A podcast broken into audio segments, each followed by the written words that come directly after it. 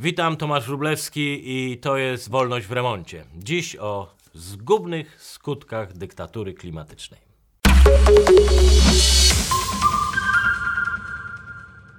Komisja Europejska nałoży nowy podatek 80 eurocentrów, jakieś 3 zł 50 groszy od każdego kilograma spalonego plastiku.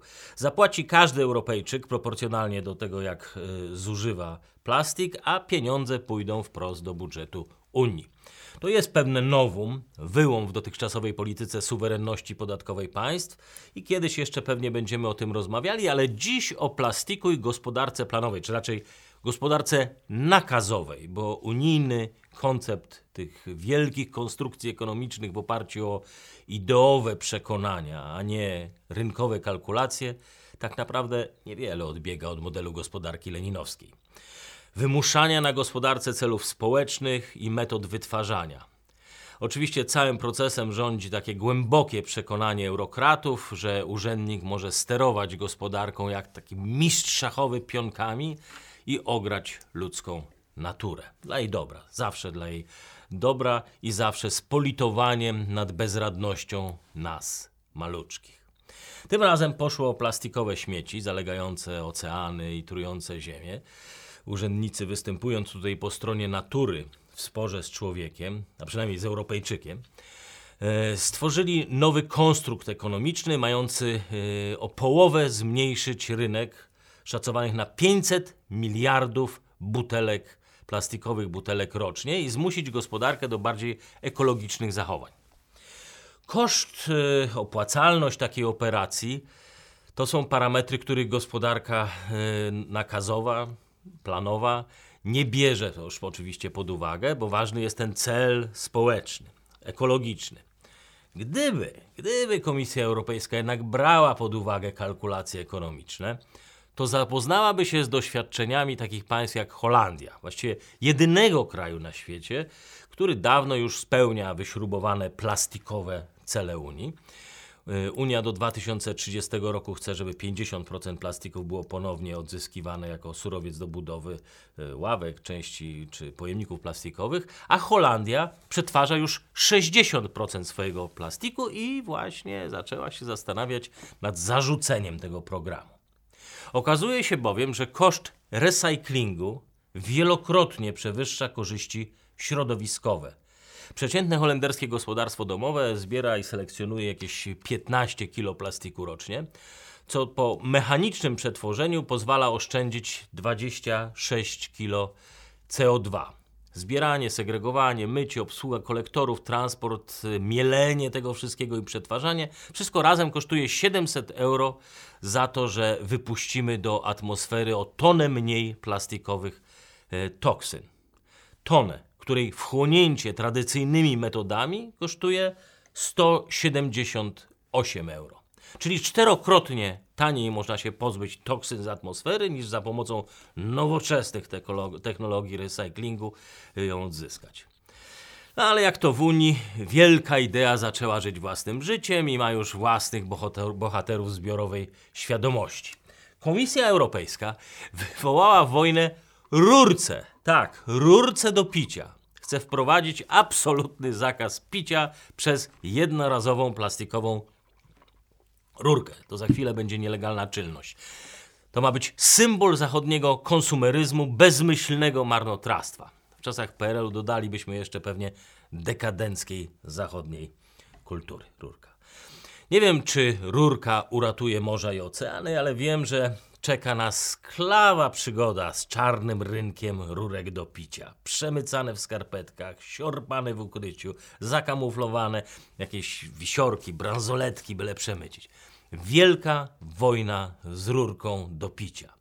Co zabawne, historia plastikowej plagi sięga tak naprawdę 1994 roku i zupełnie innej dyrektywy, wytycznej, e, wytycznych unijnej polityki nakazowej w sprawie ratowania lasów i nakazów ograniczenia zużycia papieru. Dyrektywa wprowadzała wtedy ograniczenia w gospodarce leśnej, zapisy przeciwko marnotrawstwu papieru i zachęty do korzystania z plastiku zamiast papieru oraz hojne dopłaty do skupu makulatury. To był dopiero raj dla grzebiących po śmietnikach. Niektórzy nie mieli nawet cierpliwości czekać, aż e, papier zostanie zużyty, gazeta przeczytana i kradli całe palety świeżych gazet wprost spod drukarni. Nazywano ich makulatorowymi gangsterami. Czasem jeszcze można ich e, tu i ówdzie e, spotkać, ale samorządom wydaje się, że dopłatami do skupu makulatury ratują lasy.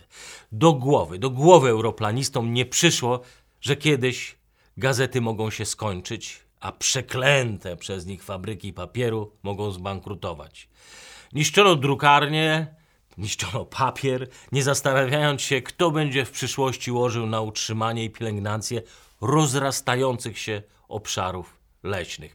Obszarów leśnych powstałych na dawnych ziemiach rolnych, do których Unia dopłaca, żeby ich, broń Boże, rolnicy nie uprawiali. Też oczywiście z troski o naturalny styl życia chłopów, tak jakby socjalizm był naturalnym habitatem dawnych plemion osiadłych na roli. Nigdy nie widziałem, żeby jakieś dobro płynęło od tych, którzy wpływali na handel w imię dobra publicznego. To nie moje słowa, to słowa e, Adama Smitha i jego epokowe dzieło Teoria uczuć moralnych. Naprawdę polecam książkę. E, Komisja Europejska ma e, długą historię ratowania nas przed katastrofami, które sama wykreowała, i to jest dobry cytat do tego, co za chwilę jeszcze bo powiemy, bo oprócz rurek do picia, komisja walczy dziś z dieslami. Tak, z ropą do samochodów. Oczywiście w trosce o nasze zdrowie kolejne miasta ogłaszają zakazy wjazdu samochodów na ropę. Rządy zachęcane są do y, zakazywania produkcji i przestawiania się na elektryki, co z kolei przypomina mi inną dyrektywę, dyrektywę z grudnia 1997 roku. Wtedy komisja ratowała nas przed, uwaga, benzyną. Ponieważ pojazdy na ropę mniej spalają paliwa, to uznano, że też mniej szkodzą. Jak mniej, to mniej. I bez żadnych dodatkowych badań postanowiono przestawić cały ruch samochodowy w Europie na diesla.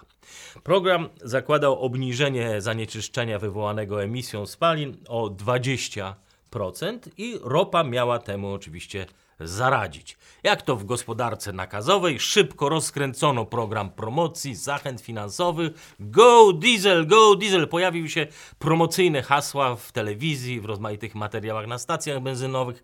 Sponsorowane przez Unię Re Europejską reklamy nie zostawiały żadnych wątpliwości. Każde dziecko miało wiedzieć, że diesel jest tańszy, efektywniejszy i to diesel ratuje naszą planetę.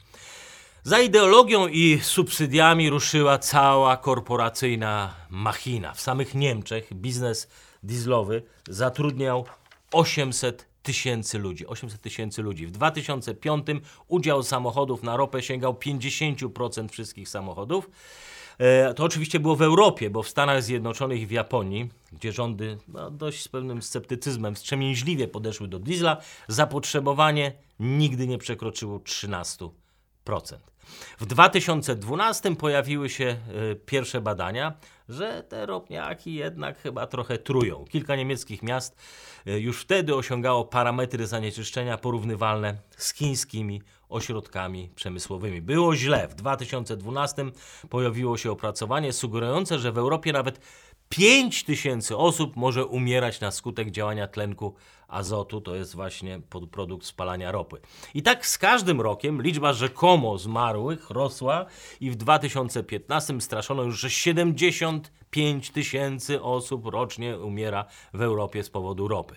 Lobby samochodowe, które wyrosło na subsydiach rządowych, broniło e, swoich dieslaków, proponując udoskonalone silniki, jednocześnie domagając się, żeby rząd zakazywał starych modeli na drogach, co dawało kolejne miliony utraconej wartości starszych samochodów. Rządy dopłacały oczywiście do wymiany urządzeń monitorujących spaliny i dalej dotowały przemysł. Dalej tą historię już Państwo znacie. Dieselgate. I tak urządzenia do monitorowania okazały się, że fałszują dane, think tanki biły na alarm, że ludzie umierają i teraz z taką samą siłą, z jaką promowano samochody na diesel, teraz je tępiono.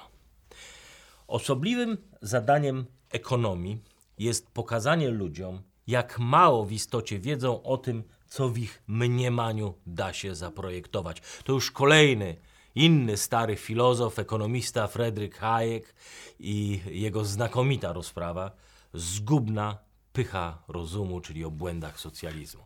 Książka powstała równo 30 lat temu. I jak na ironię losu, w tym samym roku, kiedy inny uczony, ekspert od anomalii pogodowych z NASA, James Hansen, zaprezentował w amerykańskim Senacie wstrząsający raport. Zaprojektował ludzkości kolejną rewolucję. Hansen pięknie przemawiał. Opisywał tragiczne zdarzenia mające wkrótce ściągnąć na Ziemię. Mówił o kataklizmach, głodzie, wichurach i suszach. I to był taki szczególny, upalny, czerwcowy dzień, kiedy Hansen występował w Senacie. Wszyscy tam ocierali pot i kiedy słyszeli, że średnia temperatur jeszcze wzrośnie co najmniej o 1 stopień Celsjusza w ciągu następnych 30 lat, gotowi byli przyjąć każdy projekt mający ocalić Ziemię ich samych od tych upałów.